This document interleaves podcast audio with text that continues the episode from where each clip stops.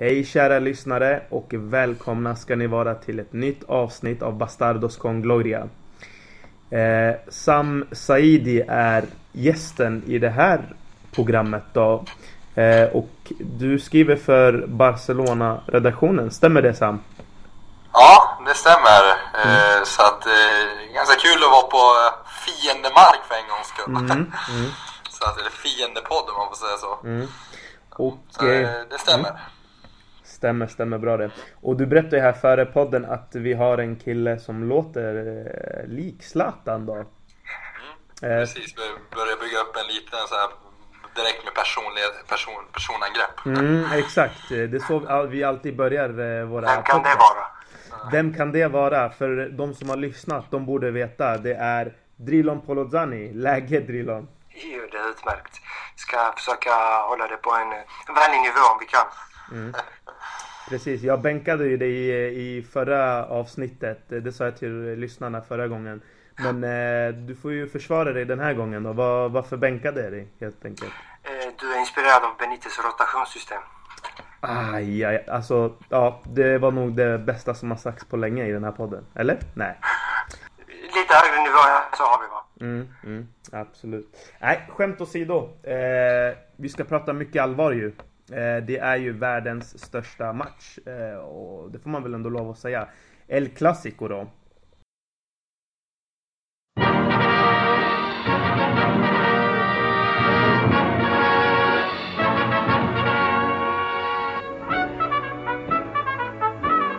Eh, vad säger ni grabbar? Ni... Jajamän. Mm. Nerverna börjar. Har de börjat sen igår, skulle jag säga. Mm. Ja, absolut. Eh, bra början där Drilon. Berätta lite mer. Vad har, du för, hur är dina, vad har du för känslor kring den här matchen? Jag kan knappt vänta men samtidigt eh, är man nervös. Mm. Det är blandade känslor. Blandade känslor. Mm. Man vill att det ska vara nu men samtidigt vill man inte tänka på eh, de potentiella konsekvenserna mm. alldeles för mycket. Ja, jag vill bara säga en sak. Eh, 18 och 15 börjar den här matchen då på lördag. Jag tycker det är en usel tid för eh, jag har svårt att lägga mig tidigt så eh, om det blir en förlust då måste jag leva med det i alla fall minst till 12 på eh, natten där. Eh, så eh, ja. Sam, vad tyckte du om tiden 18 och 15, El Clasico? Ja, jag är inte förtjust i tiden heller men mm. ja, vi ska ändå vara glada för att jag sitter och tänker att inom en snar framtid så kommer vi se ett klassiker klockan 12 på dagen också. Eh, eftersom mm. det kommer anpassas till den asiatiska marknaden förmodligen någon mm. dag. Mm. Eh, kommer de också vilja se den matchen. Så att mm. eh, jag köper ändå 18-15 även om jag föredrar 20 eller 21. Mm. Det skulle vara fint, ja. Mm. Jag tycker det är en ganska bra tid. Du gör det? Så ni båda säger emot mig här va? eventuell förlust så mm. känns det som att man har lite mer tid på sig att smälta det innan man ska somna. Mm. Eh, säg klockan 10 på kvällen och det blir eh, ett negativt scenario. Mm. Då kommer man ju inte somna till 6 på morgonen. Det stämmer faktiskt. Ja, vi får se hur det där eh, går. Eh, du och jag Drilon får hjälpa varandra och Sam får ta väl hjälp av någon annan då? Jag ska i alla fall skriva spelarbetygen så jag kommer få lite utlopp för mina känslor. Mm. Eh, goda eller onda, det kvittar. Ja, rådet är ju att med spelarbetyg när man är arg, man ska vänta minst tre timmar innan saker och ting har sjunkit in då. Eh, ett råd till alla skribenter på Svenska fans. Yes, eh, Sam. Eh, the big talk, stora snackisen. Eh, Messi eh, har varit nu borta ett tag här nu då. Eh, blir väl uppemot en månad här då. I några dagar till kanske. Eh, han sägs vara dock spelklar för El Clasico. Frågan är om det är värt att riskera Messi för Luis Enrique. Vad tycker du? Ja, jag tycker lite både och. Det är klart att Messi är alltid Messi och mm. en frisk Messi bör alltid spela. Mm. Eh, ja, han har ju kört, han är ju i full träning nu och eh, är man i full träning så ska man vara redo för att i alla fall spela minst en halvlek. Frågan är om man ska starta eller inte, eller om man ska köra lite sparkapital och mm. kunna slänga in honom beroende på hur matchen utvecklar sig. Så att jag är nog i, jag tror det finns två olika läger här. Att det finns de som vill att han ska starta i och med att vi inte har så bra backup på den positionen. Det blir väl en Munir eller en eh, Sandro som kanske inte har rosat marknaden. Nej.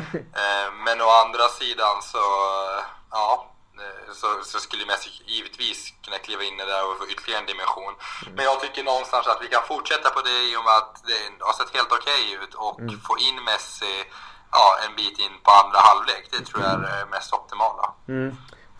Man såg ju eh, här på Twitter och eh, sociala medier då att eh, de senaste målen, det var så mycket Neymar och Suarez att man blev yrd. Så det är inte som att ni har, det är inte som att ni har saknat eh, Lionel Messi allt för mycket. Eh, som jag tycker någonstans, om jag får tycka lite att eh, man kan väl spara honom och kanske om det, om det, om det går illa då kan man ju alltid kasta in honom. Mm. Ja men det är väl lite så jag resonerar också. Mm. Sedan så har väl kanske inte Barcelonas spel varit så helt perfekt heller. Nej. Det ofta krävs en individuell prestation från Neymar eller Luis Suarez för att eh, avgöra de här matcherna. Mm. Och eh, med den bakgrunden nu när man ändå möter Real Madrid då kan Messis kreativitet behövas. För det, han står för en helt annan kreativitet i spelet än vad mm. Neymar och Suarez gör. Absolut. Eh, vi går vidare till en annan viktig spelare i mitt tycke då, Rakitic. Om inte han kommer till spel här nu då, hur stor avbräck är det på mittfältet för Barcelona? Är det en fråga till mig eller? Mm. eller ja. Ja, det är mig. Ja, ja, den är alltid direkterad till Barcelona. ja, nej, men det är en otrolig, otrolig, ja, det är otroligt avbräck. Jag är ju en big supporter av Rakitic och han var ju av otrolig vikt eh, under våren. Mm. Och han har växt in i den här rollen på Barcelonas mittfält med hårt, där han har verkligen blandat hårt jobb med briljant speluppfattning och teknik. Men sedan framförallt har han ju hittat eh, en dimension som en viss Seydou Keita hade med de här djupledslöpningarna som öppnar upp ytor för exempelvis en Messi i form eller, eller Neymar. Men skillnaden mot Keita är väl att Rakitic också har en annan dimension. Han är jävligt duktig med fötterna också mm. och har en annan spelintelligens än vad den gode Keita hade. Absolut. Eh, men det ska bli intressant att se om Rakitic kommer då till spel. Eh, det har varit lite blandade nyheter. Så läste mm. senast att eh, han antagligen kommer till spel ändå. Ja, däremot i den mm. frågan så hoppas jag att om han är redo för spel mm. så bör han spela. För mm. där är, har Barcelona liksom väldigt tunt bakom Iniesta och Xavi. Det har varit Sergio Roberto som har, som har varit helt okej, okay, eller varit väldigt bra över förväntningarna. Men eh, ja, jag ser nog ändå en Rakitic i form på den positionen. Eller en. Rakitic som är spelklar på den positionen. Absolut. Eh, vi ska få in Drillon här också i skadeläget då. I... Nej, det är lugnt. i Real Madrid. Eh, Drillon. Eh, Ramos kommer att spela med sprutor och i värsta fall kan det bli så att han måste opereras efter det Clasico. Eh, Suarez lov, har lovat att ingen kommer ge, eh, ge sig på eh, Ramos eh, axel och ingen ska ge sig på Messis knä. Det är skönt att höra det från Suarez. Eh, men är det värt för Benitez att riskera Ramos då?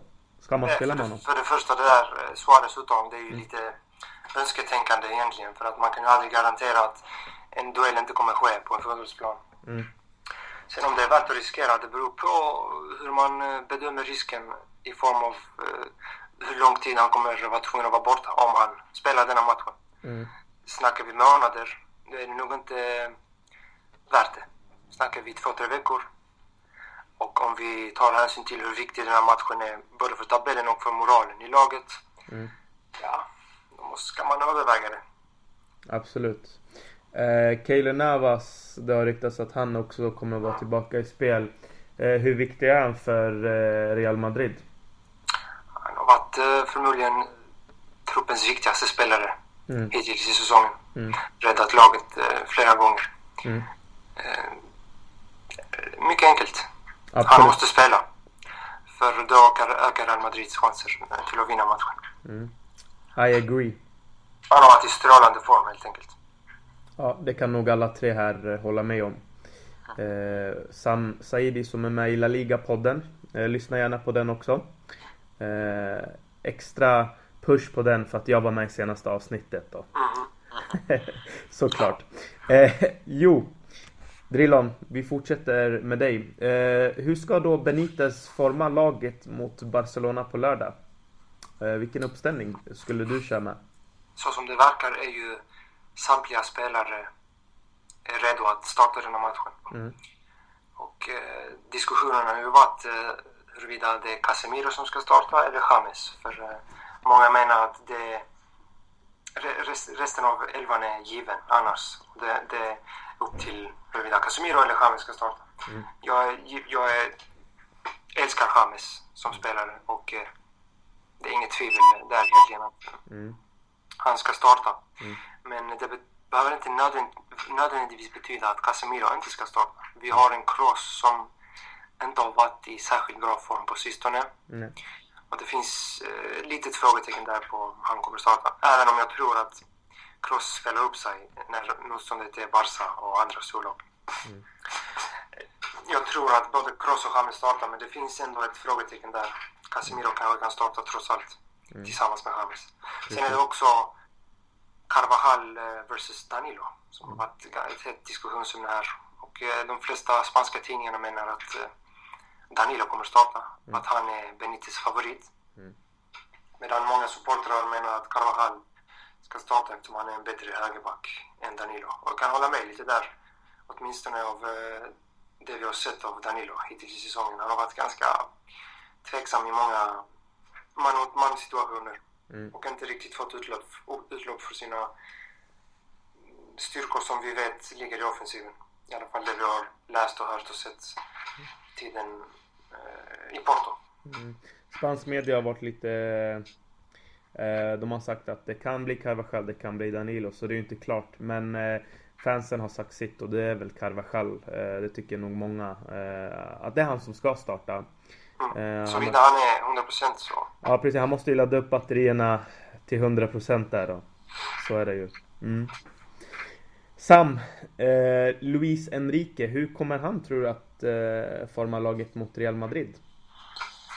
Ja, den, eh, det, det är egentligen bara två positioner som är ett frågetecken och det är väl det jag var inne på. Det är ju Messi och Rakitic. Men annars är backlinjen eh, väldigt intakt där eh, Piqué och Mascherano nog kommer starta. Kan ju väl ge ett, ja, möjligtvis att Mattias kan komma in och konkurrera också. Gjorde ju mål på Camp Nou förra året så att han är ju han brukar få till det mot Real Madrid, baserat på den matchen i alla fall.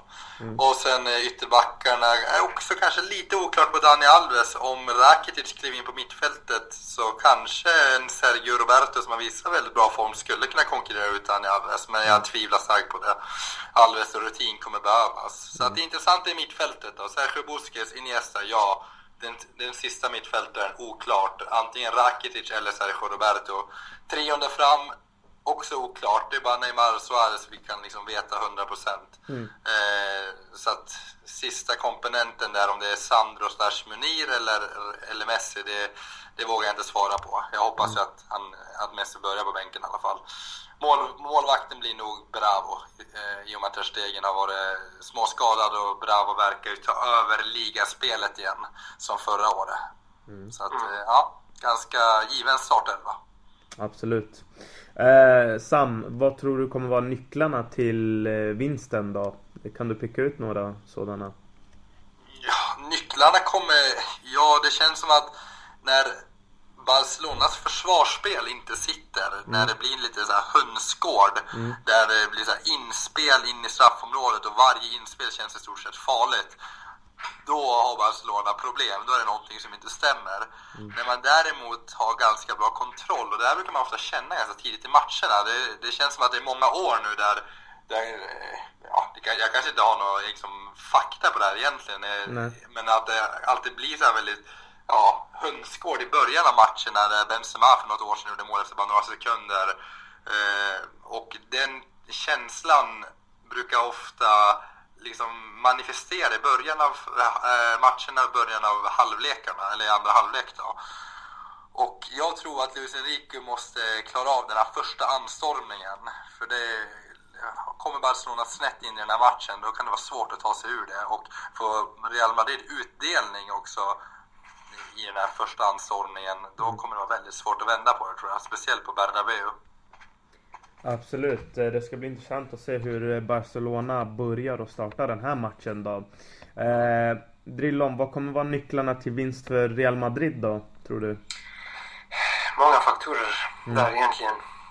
Det jag tror är att Barcelona har någon slags psykologiskt övertag inför matchen. De kan spela men lite lugnare. De har inte lika stor press på sig att vinna den här matchen som Real Madrid har. Mm. Om vi kollar lagdelarna ja. så, vin, så tycker jag Real Madrid har bättre spelare på nästan till alla positioner. Mm. Eh, I dagsläget är det bara Neymar och Suarez som båda är i helt ohyggliga, i ohygglig form. Mm. Egentligen har varit bättre än Real Madrids anfallspjäser. Eh, så när det kommer till spelarmaterialet tror Real Madrid är bättre. Men hur samlar man sig efter eh, den senare tiden? Efter eh, Sevilla-förlusten, eh, sprickorna som förmodligen finns med tränaren och andra i ledningen och så vidare. Hur är moralen? Det, det, det är det jag tror nyckeln är att man skiter i en hel del som har hänt och att man 100% fokuserar på eh, de 90 minuterna som vi kommer se på lördag. Mm. Då tror jag Real Madrid kan vinna. Absolut. Med tanke på att nu alla spelare finns tillgängliga. Mm, för första gången på väldigt länge måste man väl ändå säga. Mm. Det känns som det var ett tag sedan vi såg ett Clasico också med eh, samtliga spelare, samtliga ordinarie spelare. Mm. Det var väl förra året egentligen, eh, i oktober. Mm, mm. Intressant det där med skador. Eh, Sam, om vi ska gå in, in, lite mer då kanske på en individuell plan här nu då. Det blir väl ganska individuellt. Eh, men ändå.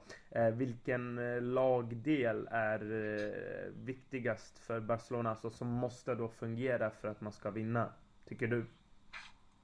Ja, då väljer jag ändå att lyfta fram anfalls, eller anfall, anfallet då, mm. anfallstrion mm. eller framförallt då beroende på Messi startade inte anfallsduon i Neymar och Suarez. För i Barcelonas angående försvarsspel, även om jag lyfter fram den aspekten när det kom till att eh, lite nyckelfaktorer till att vinna matchen mm. så är inte det just liksom försvarslinjen som är nyckeln i Barcelonas försvarsspel eller mittfält utan det är ofta hela kollektivet och att Barcelona sällan förlitar sig på individualister när det kommer till till försvarsspel utan där måste det verkligen sitta på alla, alla positioner. Mm. Däremot någonting som måste sitta både på liksom ett individuellt plan eller mer om man kollar på en specifik lagdel. Mm. Då är det ju att Suarez och Neymar faktiskt eh, är på humör den här matchen. Att våga utmana enligt mitt tycke en ganska ja, hackig defensiv i Real Madrid. Även om man har släppt in väldigt lite mål. Men i, mm.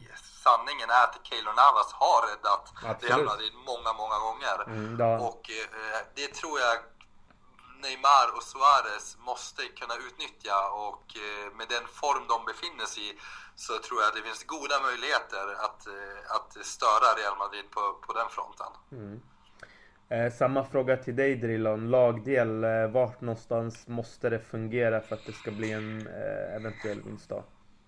Ja, dels måste vi Real Madrid ha koll, 100% koll på Neymar och Suarez som Sam är inne på, Sam är inne på eh, eftersom de är riktigt farliga. Mm. Men eh, främst måste anfallsspelet fungera i Real Madrid som har varit hackigt mm. hela säsongen egentligen. Många storvinster som egentligen mm. Eh, inte riktigt eh, förklarar hur det egentligen ligger till. Det har varit ganska ineffektivt framåt. Ronaldo måste fungera så som vi är vana, honom, vana att se honom. Eh, förhoppningsvis kan James vara en frisk injektion mm. i det annars halvdana anfallsspelet. Mm. Men eh, neutralisera Suarez och Neymar som är livsfarliga och vara väldigt fokuserade i sista tredjedelen när man anfaller. Mm. Eh, för mig då, om jag får eh, säga min åsikt. Eh, Benzema är ju tillbaka så jag kommer inte vara alltför orolig över att anfallsspelet kommer flytta på.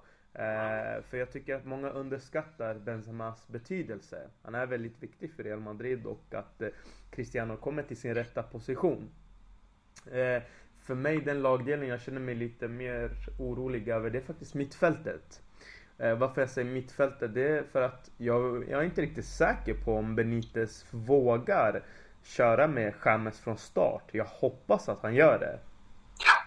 Eh, men vinner inte vi mittfältet, då blir det svårt. Eh, för att vinner man mittfält mot Barcelona Ja, Neymar och Suarez de kan ju saker på egen hand. Men fortfarande måste du kunna strypa den linjen så ofta det går. Då kommer ju de få det svårare att jobba med boll. Däremot tror jag att det var viktigare förr att strypa Barcelonas mittfält. Mm. Att under den här Guardiola-eran, men mm. även för den delen under Rijkaard-eran så mm och början av Tito såklart, så mm. var Barcelona väldigt som, fokuserade på mittfältet där allt skulle gå via mittfältet. Det var viktigt att mm. kontrollera matcherna. Jag tycker ju någonstans att Luis Enrique har släppt lite på mittfältet. Det var att mm. Barcelona till, till, exempel förra året bara gav bort bollen många gånger och liksom mittfältet fyllde inte samma funktion längre. Utan där mm kan lika gärna Real Madrid få äga mittfältet och sen så kör man någon slags kontringsspel alla Real Madrid istället som Barcelona visat prov på. Och det tycker jag är en ganska intressant utveckling och mm. därför håller jag med dig också där med att James borde starta för att det är på första gången på många år skulle jag säga. Och det kunde man se i El Clasico förra året i oktober också, där Real Madrid faktiskt har en möjlighet att, att vinna det här mittfältet. För man har varit underlägsen Barcelona när det kommer till det här possession-spelet i många år. I och med Barcelonas filosofi och de spelarna som Xavi och Iniesta man hade när de var som bäst tillsammans. Mm. Men nu har, har inte Barcelona den vad ska man säga, kvaliteten längre på mittfältet och där tror jag Real Madrid har goda möjligheter att faktiskt, kanske som du säger, vinna mittfältskampen om mm. man spelar det rätt. Exakt, precis. Mm. Ja, jag håller med där. Vi såg det också i matchen på Camp Nou, där Real Madrid fullständigt dominerade första halvlek. Precis. Mm. I mittfältet. För mm. att eh, du har Modric, Kroos, Isco, James. Mm. Samtliga som är extremt bollskickliga och bra på att behandla bollen. Mm. Men ja, jag tror att effektiviteten i anfallsspelet mm kommer vara nyckeln egentligen för båda lagen här. Mm. Det här med spelförståelse är ju väldigt viktigt, eh, Drylon. Eh, du och jag vet ju när vi ska köra full fart framåt och när vi ska avvakta, eller? Vad tycker du? Helt klart. Mm, exakt, så eh, vad tror du om Benites spelförståelse? Kan, ska han köra full fart framåt eller ska han avvakta? Hur ska han ta sig an den här matchen? Full fart framåt är fullständigt det är självmord mot speciellt dagens Barcelona mm. som Sam var inne på eh, skippar lite mittfält, kör lite mer direkt. Mm. Ofta eh, skickar långbollar på Neymar och Suarez som är riktigt mm. bra på att stå rätt och eh, liksom skarva bollen till varandra och vips är de fria. Eh, Benitez kommer vara försiktig. Han kommer inte köra någon all-out attack. Eh, vi får bara hoppas på att han inte är för försiktig. För att det måste finnas ett anfallsspel eh, hur som helst. Det gör inget om man eh, låter Barcelona rulla boll i sidled. Mm.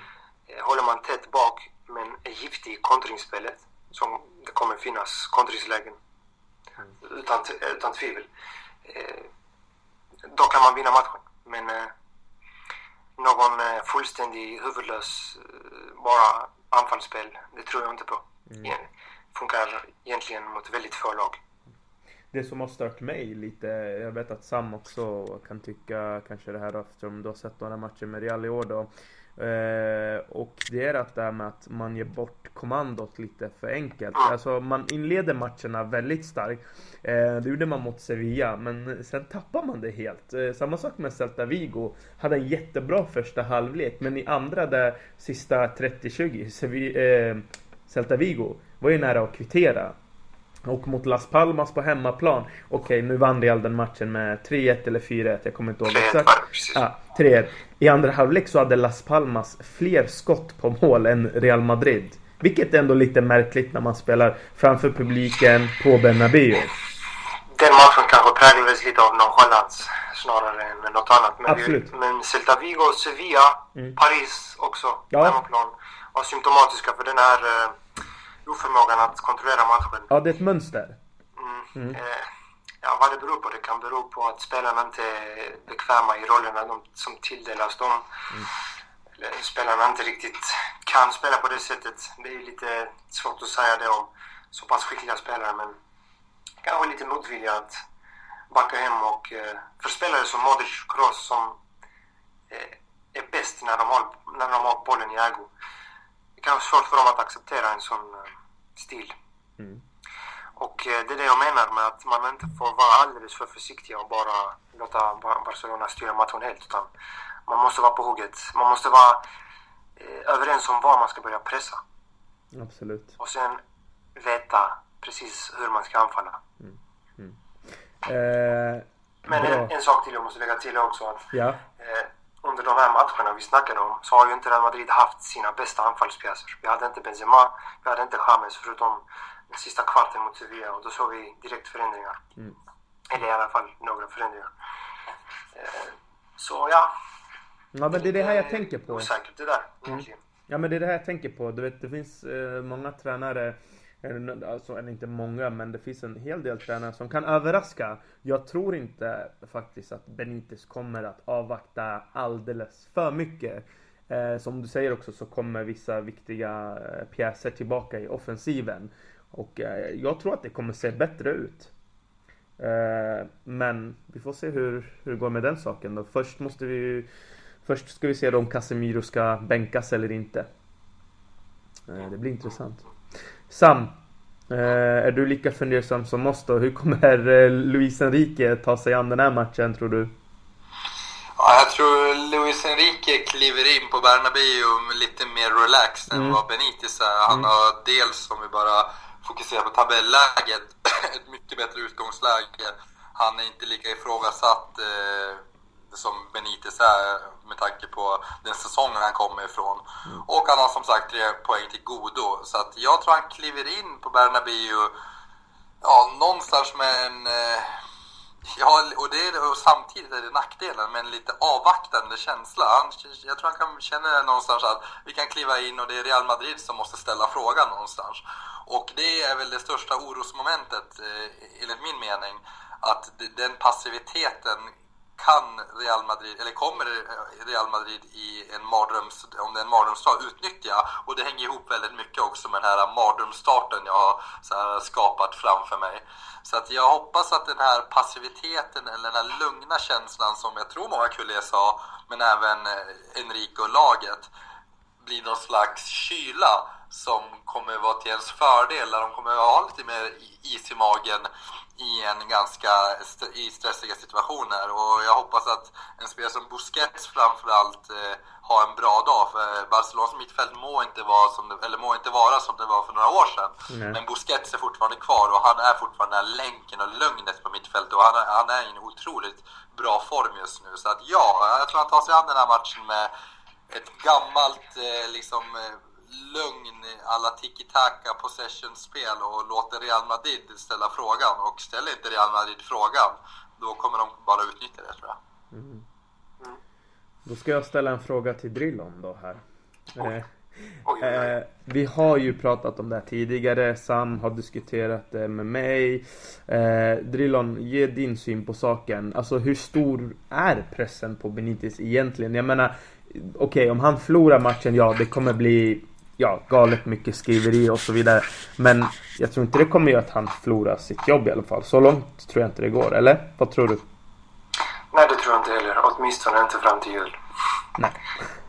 Eh, men samtidigt, eh, Peres är en stolt man, har vi konstaterat tusentals gånger. Mm.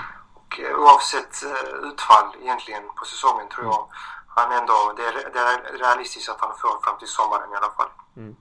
Med tanke på Perez nyligen sparkade en extremt omtyckt tränare och ersatte han med en redan på förhand ganska illa omtyckt tränare. Mm. Eh, som just nu har eh, spritt eh, någon slags miss missnöje över truppen om man ska tro på media. Och det som du brukar säga Meran, ingen rök utan eld. Mm. Eh, men eh, pressen är enorm. Det är inget snack om den saken. Problemet är dock att Benitez kommer förmodligen få samma kritik på sig som han har fått, även om han vinner denna matchen. För att det, eh, det, det, hade inte varit förvånansvärt om Real Madrid vinner matchen, men många klagar på att det inte var tillräckligt snyggt, exempelvis. Mm. Mm. Kritiken från Real Madrid-supportrar är outtömlig. Det finns enorma reservoarer av den. Mm. Ja, om vi tittar på uh, Luis Enrique till exempel.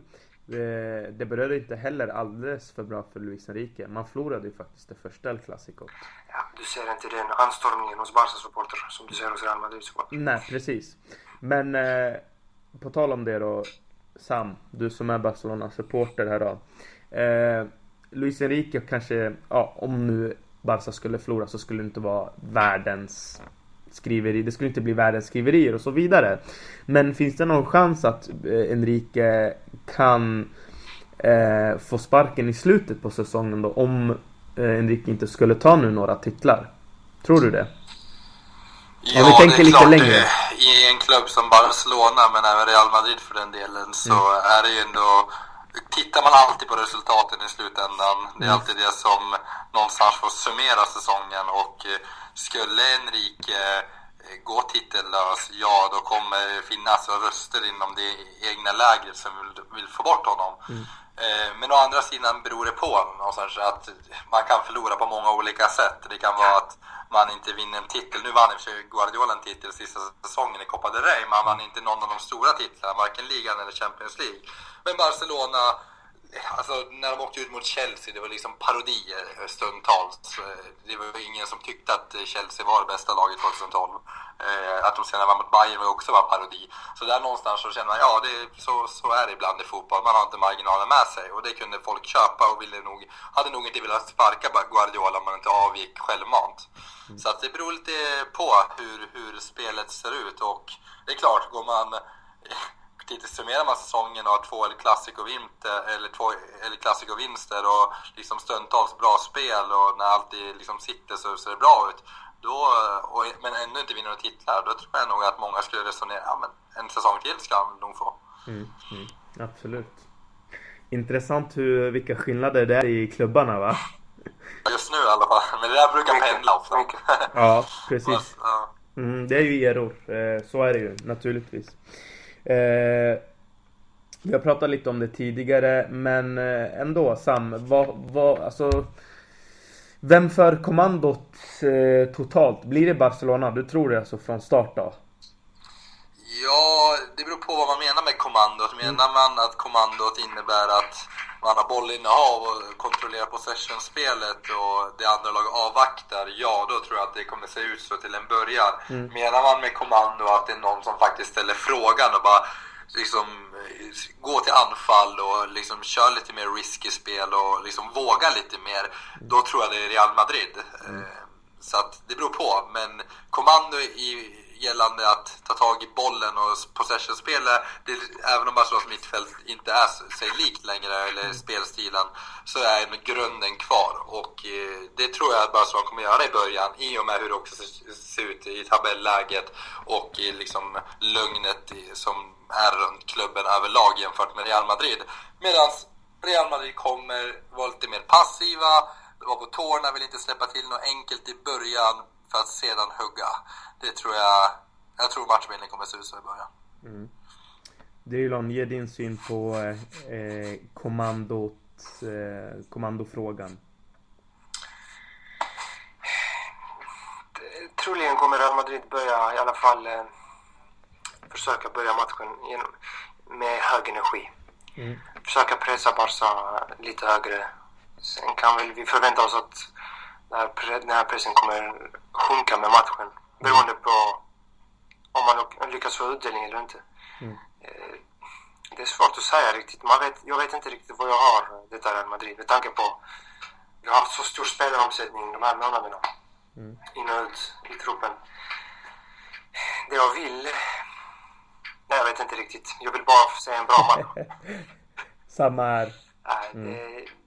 jag är ganska slut på ord egentligen. Mm. Men eh, grabbar. Eh, vad tycker ni då? Alltså... Eh, ska vi sprida kärlek eller eh, är det någon slags hat då mellan eh, de här klubbarna? Eh, när ni sitter och kollar på El Clasico. Sam, vi börjar med dig. hur, hur är känslorna? Är, är de hatiska eller hur försöker du gå in i en sån här match? Nej, det har nog aldrig varit riktigt. Jag tror att det där börjar försvinna med åldern också för mig, tror jag. Jag var nog mer hatisk för 5-10 år sedan. Eh, och mm. att jag verkligen inte kunde unna Real Madrid någonting.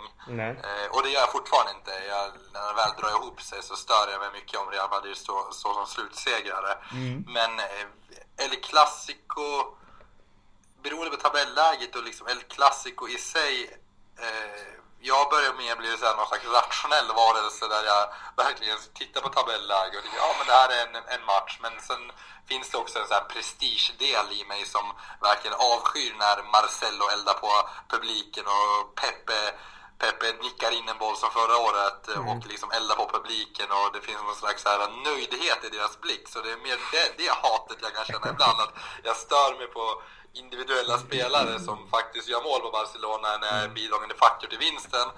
Och sen eh, påminner, det, påminner med det mig att shit, jag avskyr den här klubben. så det är mer så. Bra där. Grabbar, ni förstår inte det här. Jag försöker hetsa upp stämningen lite här ja. eh, innan vi avslutar för lyssnarnas skull, vet ni. Mm. Eh, så Drilon, ge lite svar. Eh, vad, vad, vad svarar du på det här då?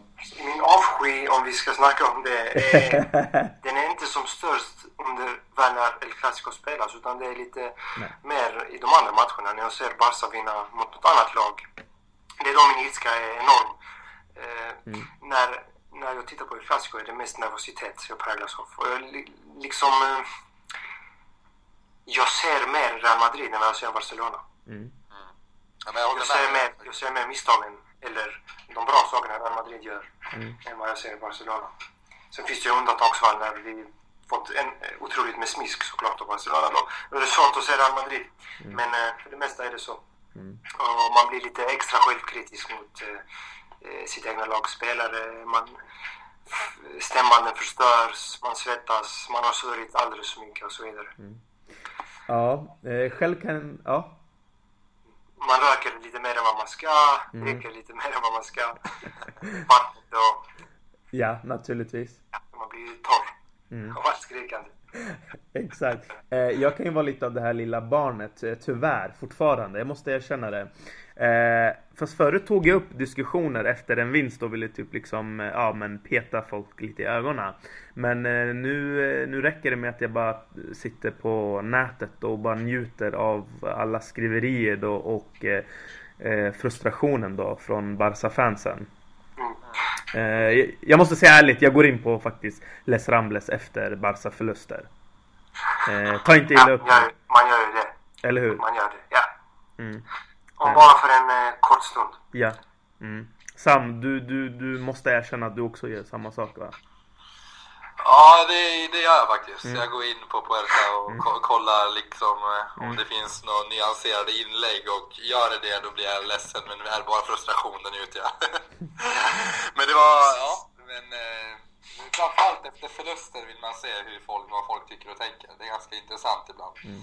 Också, inte bara för att man vill liksom, man har skadeglädje för, men, utan också för att faktiskt se och, och, lära sig och se vart, om någon faktiskt kan ge någon nyanserad bild om vart felet kan ligga. Mm. Det kan vara intressant. Men... men det är som du sa innan Sam, att eh, man mognar lite med åldern. Att, eh, man reagerar inte på samma sätt när man vinner denna matchen. Nej. För mig är det mycket värre. Känslorna är mycket mer intensiva när man har förlorat El Clasico än när man har vunnit det. Mm. Tyvärr kan jag inte njuta lika mycket av en vinst så som jag lider av en förlust. Ja, jag kan dela den känslan faktiskt. Mm. Jag vet inte varför. Bra grabbar. Jag fick igång er lite va? Kom fram, det blev lite bekännelse till slut. Ingen sa någonting i början. Sen bara, okej okay, då, jag har lite skojglädje. Pulsen ligger på 150 nu. Mm. Mm. Ja, vi får se hur... Är det lördag Eller hur? Eh, vi får se hur det går på Puertan och eh, Les eh, Rambles. Men vi kan ja. väl varna moderatorerna redan nu. Blir det förlust, spärra av forumen i två timmar, eller? Nej, skämt åsido. Det kommer bli en riktigt grym match. Vi alla ser fram emot det här. Vi hoppas att lyssnarna har fått tagit del ändå av mycket skadeläget, taktik och analyser. Eller grabbar, känner ni er nöjda? Ja, vi kan, vi kan fortsätta hela natten egentligen, men mm. det är rätt bra. Eller hur? Det är bra. Ja, det känns bra. Bra. Det är bara match, matchen som saknas. Exakt. Medan, jag får fråga Sam den sista frågan. Mm. Vad slutar matchen Sam? Oh, eh, vi tippade ju i podden i, i veckan. Vad det gjorde vi. Då? Eh, gjorde vi det? Ja. Jag har glömt vad jag tippade. Det känns så här äh, att det kommer ge ett virrigt intryck till alla lyssnare om jag tippade någonting i, i den podden och sen något annat nu. Mm. Oj, vilket hjärnsläpp. Eh, du sa faktiskt 1-2 och jag sa 2-1. Ja, just det, så var det. Och jag, 1-2 var det första som kom upp. Så jag, jag kör, kör på där att det blir 1-2 till Barcelona och det är hjärtat. Det är mer än hjärna. Mm, mm. Jag själv eh, tippar jag med ängslan. Och jag har också tippat på forumet, så om ni inte tror mig. Eh, Jag tror en vinst för Barca faktiskt, 3-2, är liksom eh, det är det jag befarar. Okej. Mm, Det är inget, det är inget eh, jag tippar med hjärtat såklart, men det är vad jag befarar så därför vill jag eh, gardera. Absolut. Eh, det får man också göra ju. Mm. Antiklimax, men så är det. Yes grabbar, eh, vi får nog avsluta den här eh, trevliga podcastavsnittet här va. Jag tycker det blev riktigt bra. Eh, kära lyssnare, eh, gilla oss på Facebook, eh, Twitter. Eh, kommentera gärna i kommentarsfältet vilken spelare ni hatar i respektive lag, vilka ni älskar. Ja, ge oss feedback helt enkelt. Eh, tack för att ni lyssnade. Ha det gott och tack för att ni var med grabbar. Tack själv. Så mycket, tack. Ha det gött. Hej då. Ciao! Ciao.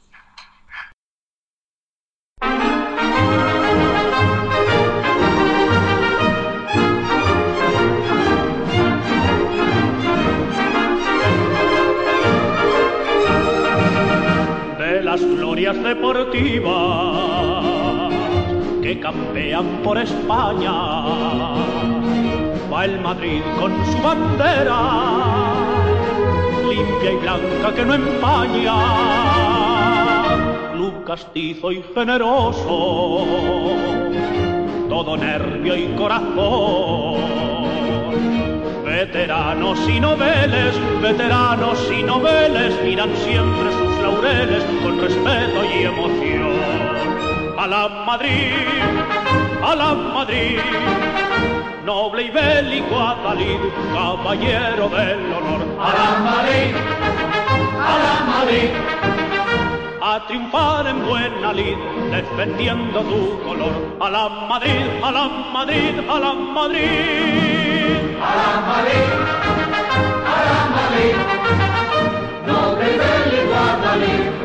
caballero del